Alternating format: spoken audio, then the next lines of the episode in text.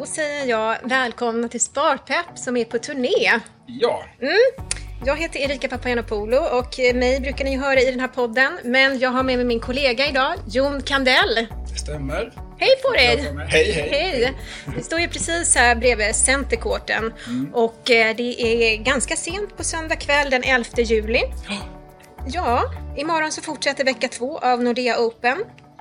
Vi har precis hört liksom så här lite träningsvarv efter lite matcher idag. Och det var jättekul att stå och bara lyssna på de här fantastiska tennisljuden och bollar som studsar. Så det är en fantastisk stämning här tycker vi på Centercourten i Båstad. Verkligen, och vi har ju en gäst med oss här idag. Vi säger välkommen till Niklas Adalbert. Tack så mycket. Ja, hej! Kul att se dig! Ja, men detsamma. Ja, och du är ju en filantrop inom techvärlden och många kanske känner till dig som medgrundare till betaltjänsten Klarna. Men framförallt så är du grundare av Norrsken Foundation som stöttar startups som försöker lösa samhällsproblem. Och det kan ju till exempel vara olika samhällsutmaningar som fattigdom och mental ohälsa och eh, miljöfrågor. Men innan vi kommer in på det, vad tycker du om tennis egentligen, Niklas? Eh, ja, men jag gillar tennis. Jag eh, spelade sedan ganska ung eh, tennis en gång i veckan. Eh, och hade ganska goda förutsättningar att kanske bli ganska bra. Eh, problemet var att jag saknade talang, kanske var lite bollrädd och saknade bollkänsla. Så att eh, kommer ingen vart alls. Nej. Men eh, kul att spela. Spelar inte så mycket längre tyvärr. Var det något speciellt med tennisen som du skulle liksom säga att du kommer ihåg att du gillar extra mycket eller sådär? Oj, ehm, jag kommer ihåg att det var ganska mycket känslor, att man liksom, eh, jag eller motståndaren kunde, kunde bli ganska arga om man missade någon viss boll. Eh, man blir ju väldigt trött. Eh, Ja. det var väldigt roligt. Härligt. Men du Niklas, vad hände annars i sommar? Vi vet att du har varit på Gotland precis. Ja, det händer nog inte så mycket mer för mig. Jag har sommarledighet. Det låter är skönt. Lite längre än en månad på Gotland, i Visby. Eh, med familjen. Eh, inga utlandsresor. Eh, det här är den enda avstickaren jag gör här i Båstad. Så en lugn sommar. Det låter jätteskönt. Nordea är ju titelsponsor för Nordea Open och eh, vi har ju, det här är ju ett av många, eh, många arenor som vi finns på. Vi vill ju med det här också gärna ta tillfället i akt och prata om eh, några av våra hjärtefrågor, till exempel entreprenörskap. Och eh, det är också därför vi säger att Nordea Open är inte bara en arena för tennis utan också en arena för samtal. Och det är därför vi är här idag. Vi är väldigt glada att ha dig här såklart. Och just du är här delvis då såklart på grund av att Nordea och Norrsken har ett samarbete ända sedan Norrsken startades. Hur skulle du liksom beskriva vårt samarbete och partnerskap? Nej, men Nordea var ju väldigt tidigt inne och stöttade Norrsken och det har varit helt avgörande. Eh, dels så, vi, vi tror ju på det här att stötta företagare som löser samhällsproblem med sin affärsmodell. Impact entreprenörskap. Och eh, bland annat så har vi en stor kontorsplats i centrala Stockholm som Nordea hjälper till och, och sponsrar och möjliggör då att vi kan sitta över 400 personer där idag som löser olika samhällsutmaningar.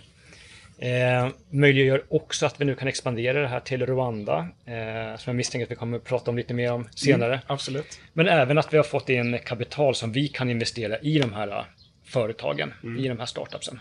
Så det har varit helt avgörande. Och såklart att även liksom hjälpa de här eh, startupsen med olika former av rådgivning och stöttning. Just det. Härligt, ju härligt att höra att det, att det fungerar.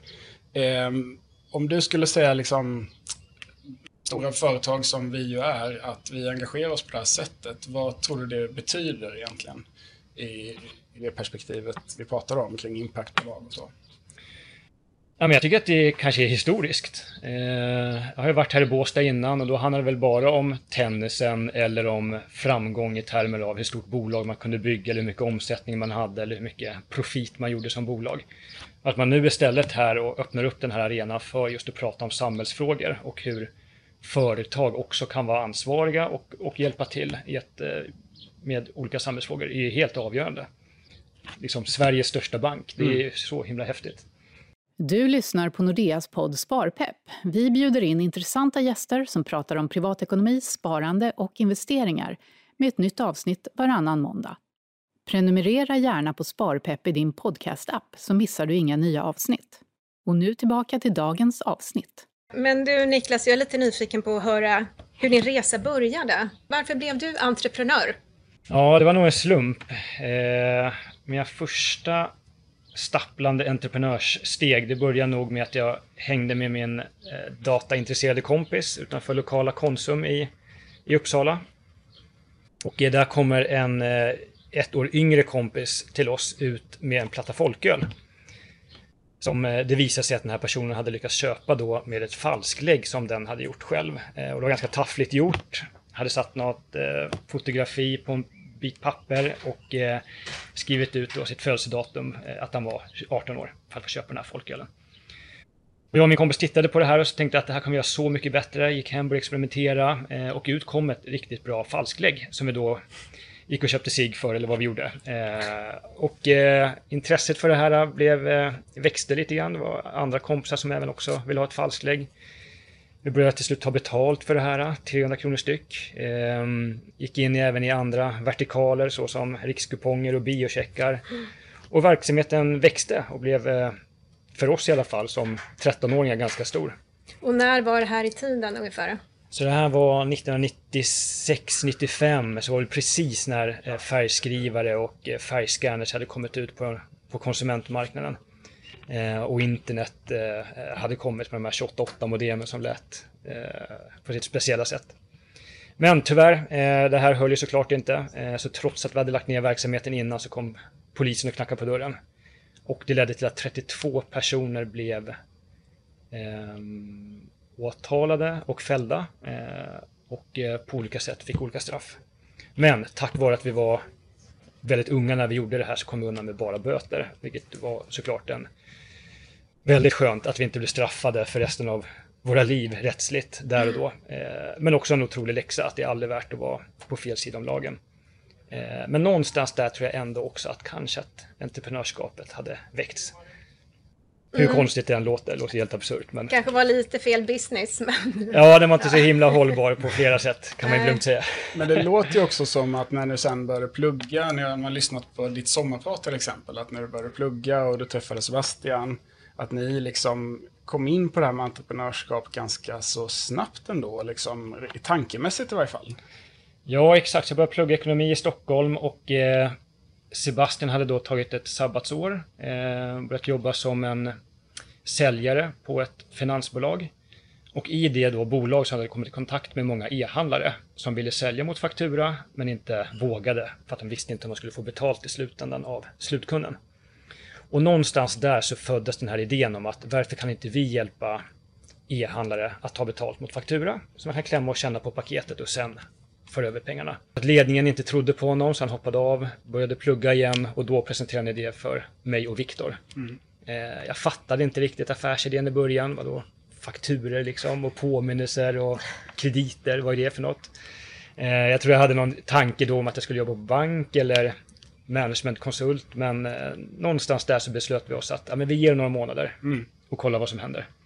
Jag minns eh, när jag lyssnade på det här sommarpratet så sa du att det var liksom vid ett tillfälle där du liksom insåg att du var på väg att missa någonting nästan. Liksom, att du var på väg att missa en chans. För att du var liksom inte helt på från början. Jag bara tänker så här, det där tycker jag är så himla spännande. Liksom, att, man är när, att, man, att man tänker så. Jag tror många kan känna igen sig i det.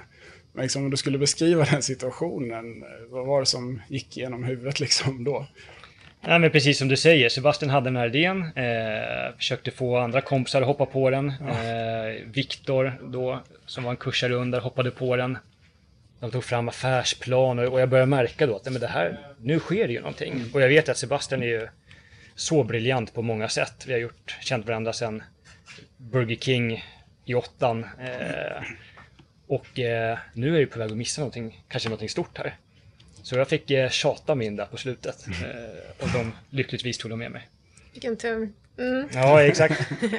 Men vi har ju uppenbarligen hört att man kan ha olika affärsidéer och mindre bra och några lite bättre. Mm. Men vad skulle du säga är den gemensamma nämnaren för att bli en framgångsrik entreprenör?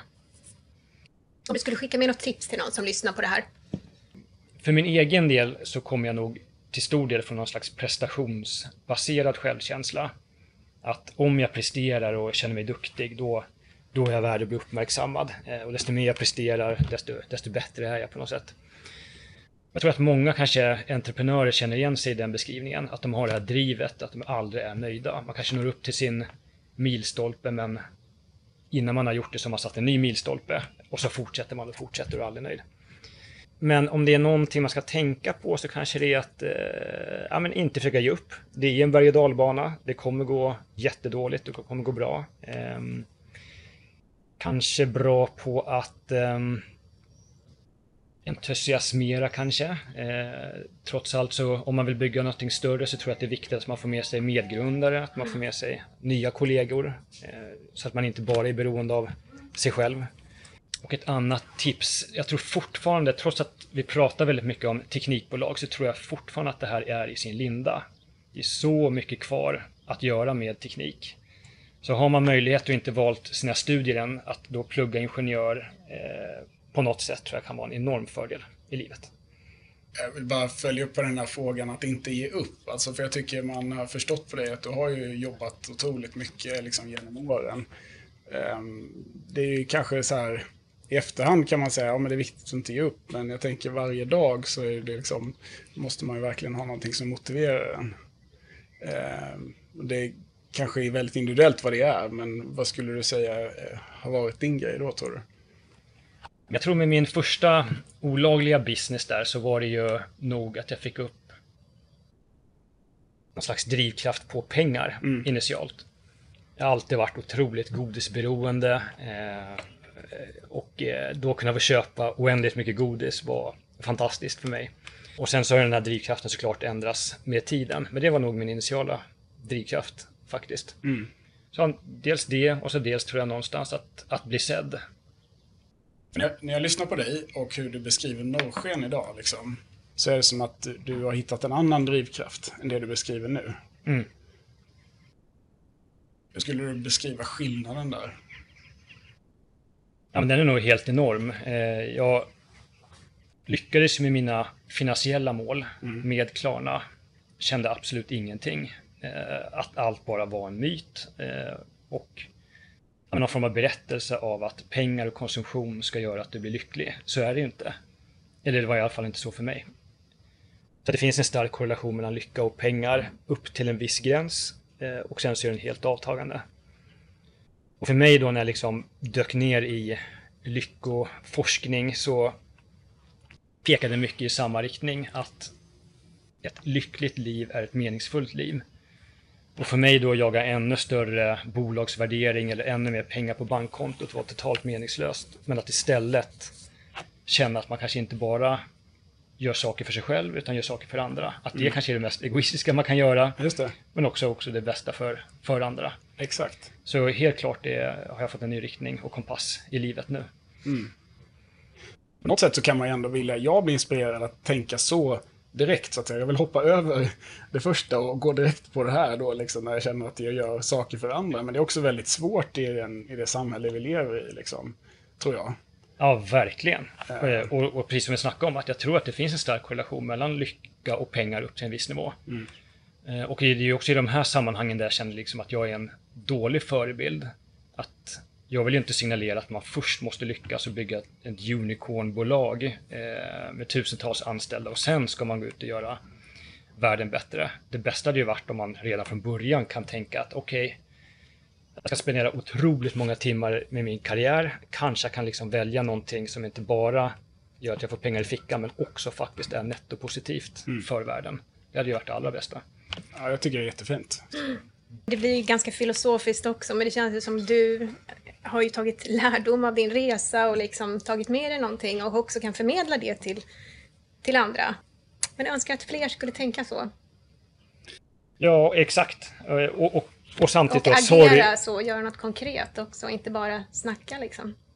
Ja, men precis. Eh, å ena sidan, sorgligt om alla skulle liksom behöva bli rika för att inse det här. Men kanske att de som har haft turen att lyckas, att de kanske tänker att okej, okay, eh, nu har jag fått extraordinärt mycket resurser och pengar. Kanske att det följer någon slags extraordinärt ansvar. Det ena delen, men också att fler upptäcker hur otroligt kul det är. Jag har aldrig mått bättre av att få göra det här. och jag gör inget avkall på någonting. Jag lever världens bästa liv, jag har sommarställe och reser. Eh, pengarna räcker till båda för mig mm. och jag tror att det skulle räcka för många andra miljardärer där ute också. Mm. Du har beskrivit nu liksom din personliga resa kan man säga. Eh, men om man tänker rent yrkesmässigt att gå från att vara liksom entreprenör till filantrop. Hur skulle du liksom beskriva den eh, rent jobbmässigt? Jag är fortfarande på en läroresa. Jag har hållit på med det här i det, fyra år nu eller mm. någonting. Mm. Man säger att man ska spendera 10 000 timmar innan man blir bra på någonting. Mm. Jag är långt därifrån. Um, men det, det jag har insett är att vi försöker ju uppmuntra impact-entreprenörskap där man hittar affärsmodeller för att göra världen bättre. Så att om man säljer en enhet så är det också en enhet impact. Ett exempel är eh, Matsmart. Handlar du där så räddar du mat från att slängas bort till exempel. Och det gynnar också affären. Men med det sagt, det går inte att göra affärsmodeller av alla samhällsproblem. Det är en hel del problem där ute som tyvärr kräver donationer eller eh, olika föreningsverksamheter eller andra. Att staten agerar, att akademin agerar. Och det där är ju jättesvårt. Det är ju liksom inte min värld. Jag vet inte alls hur jag ska tackla det. Mm. Eh, och där har väl jag valt någonstans att ja, men jag fokuserar på just hur näringslivet, startups, kan vara en bättre aktör inom det här. Norrsken är ju en stiftelse på toppen, det vill säga vi är helt non-profit, ingen kan berika sig. Sen så har vi under där har vi olika enheter mm. där vi tror på till exempel vår fond, Impactfond, att det kanske är det bästa för världen vi kan göra, inte bara att den ska göra massa impact, men också visa att det är lönsamt att göra impact. Just det. Och det är då lättare kanske på många sätt att relatera till, mm. för min del i alla fall. Ja. Om du skulle beskriva då, för någon som inte har hört det förut, men liksom, hur ser visionen ut för Norrsken? Om man, om man tar steg tillbaka, så som jag upplever det, är ju att det som uppmärksammas idag väldigt mycket är allt ifrån Instagramstjärnor till sportstjärnor till mm. Tv-kändisar till eh, de som är absolut rikaste och förmögaste och eh, lyckas bäst i företagande. Vad hade hänt istället om vi hade kunnat rikta den uppmärksamheten till, till de som faktiskt löser riktiga problem och inte hitta på problem. Då tror jag att det skulle kunna locka en helt annan talang att fokusera på de frågorna. Och ni känner ju till det här uttrycket med Unicorn, ett bolag mm. som är värderat till en miljard dollar.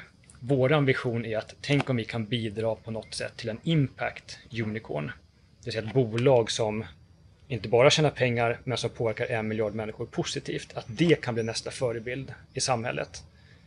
Då tror jag att världen skulle se annorlunda ut. Definitivt. Så det är målet med det vi gör. Fantastiskt. Och hur tror du man kan lyckas med det då? Har du någon sådär idé bara? Nej, jag har inte lagt de här 10 000 timmarna än, men eh, eh, vi har ju rest den här fonden då på över en miljard där vi då investerar i den här typen av bolag.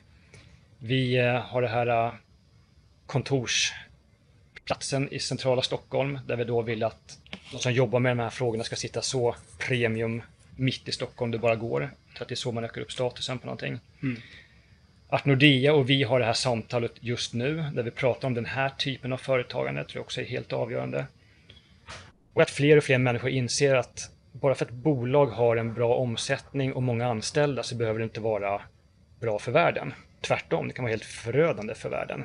Att man istället börjar prata om att vad är resultatet av den produkten man skapar och de bieffekterna som kommer av den. Kan vi få upp konversationen till det och hylla då det som är nettopositivt där mm. och, och kanske tvärtom att se ner på det som förstör världen. Mm. Då tror jag att återigen att det är kanske ett av de bästa sätten vi kan lösa en del samhällsproblem. Du nämnde ju själv att ni gör en stor satsning i Rwanda i Afrika. Kan du inte berätta lite mer om det som görs där? Ja, eh, spenderat en del tid i Afrika och eh, det jag märker i alla fall är att många av de problem vi försöker lösa här i västvärlden, i Sverige, är ju lyxproblem i jämförelse med de utmaningarna som den kontinenten har och speciellt det landet. Där tror vi att om vi på något sätt kan bidra med entreprenörskap och entreprenörskapskunnande så kanske det är ett bra sätt att hjälpa dem från extrem fattigdom. Varje jobb man skapar i den delen av världen leder till enormt stor impact. Eh, jag tror att det är, om det är så här ratio 1 till 40, att en person i arbete kan hjälpa upp till 40 människor få ett betydligt drägligare liv och inte gå och lägga sig hungriga. Så Rwanda är många, på många sätt påminner om Sverige för 20 år sedan. Det har fantastiskt bra infrastruktur. Det har bredband nästan överallt. Eh, det är säkert. Det är knappt någon korruption. Men att få till det här sista entreprenörskapet, det finns inte riktigt. Utan topptalangen vill jobba för storbolag och eh, regeringen. Precis som Sverige innan man visste vad, vad entreprenörskap var.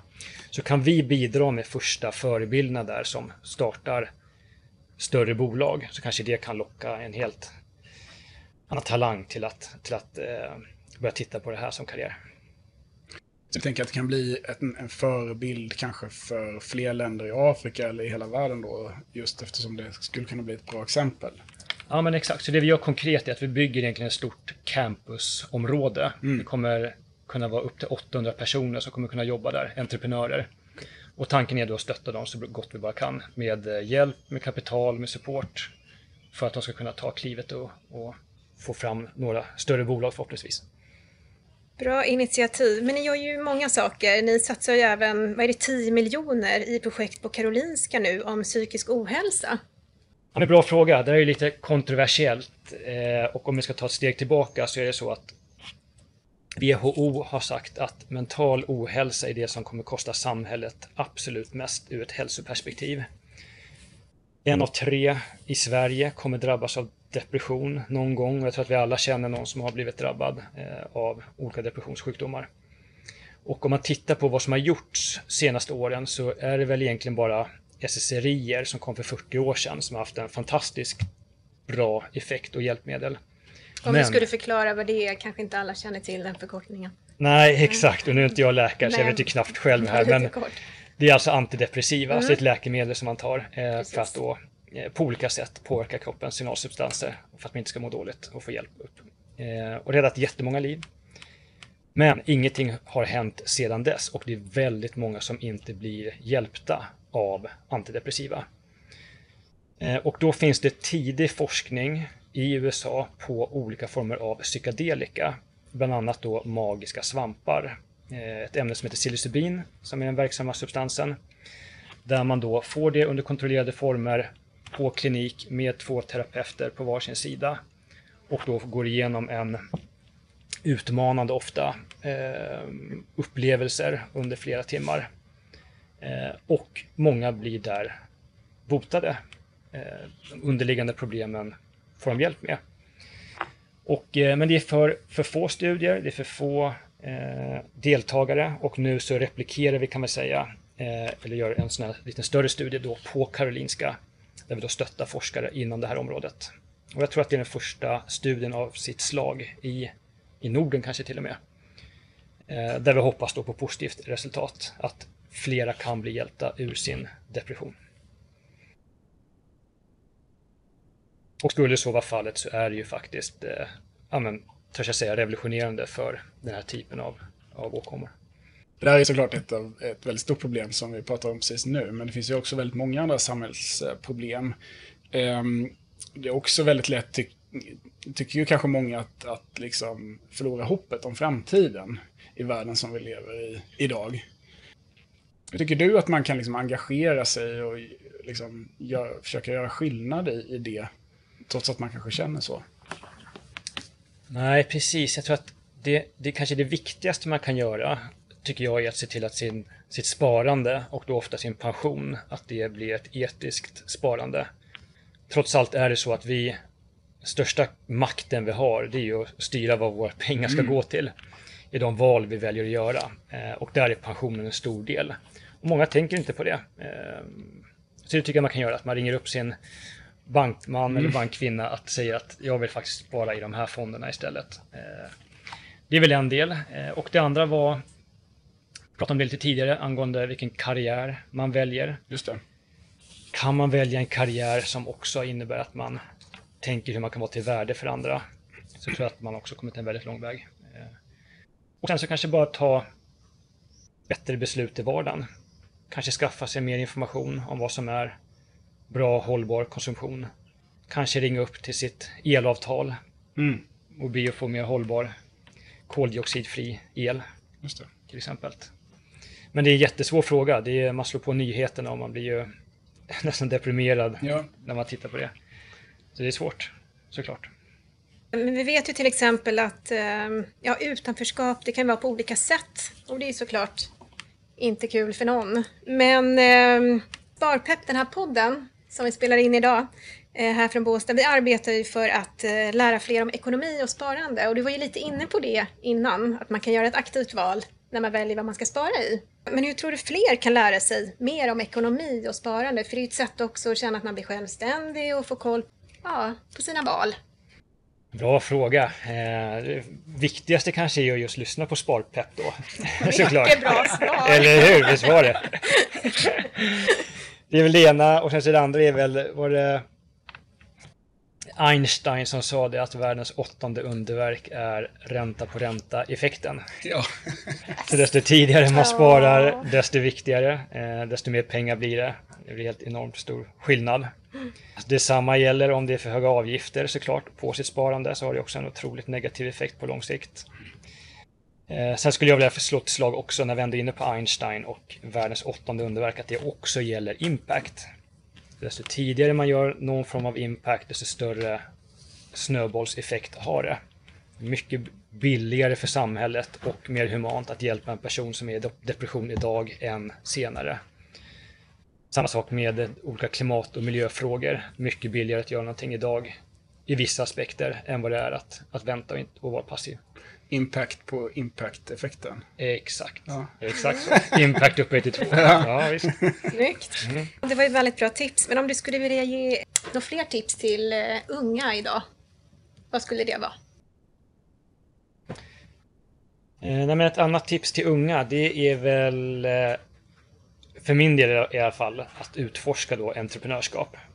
Att våga testa sina vingar här, kanske på kvällar och helger medan man har kvar sitt CSN eller har sitt första jobb eller om man inte har något jobb. Att testa.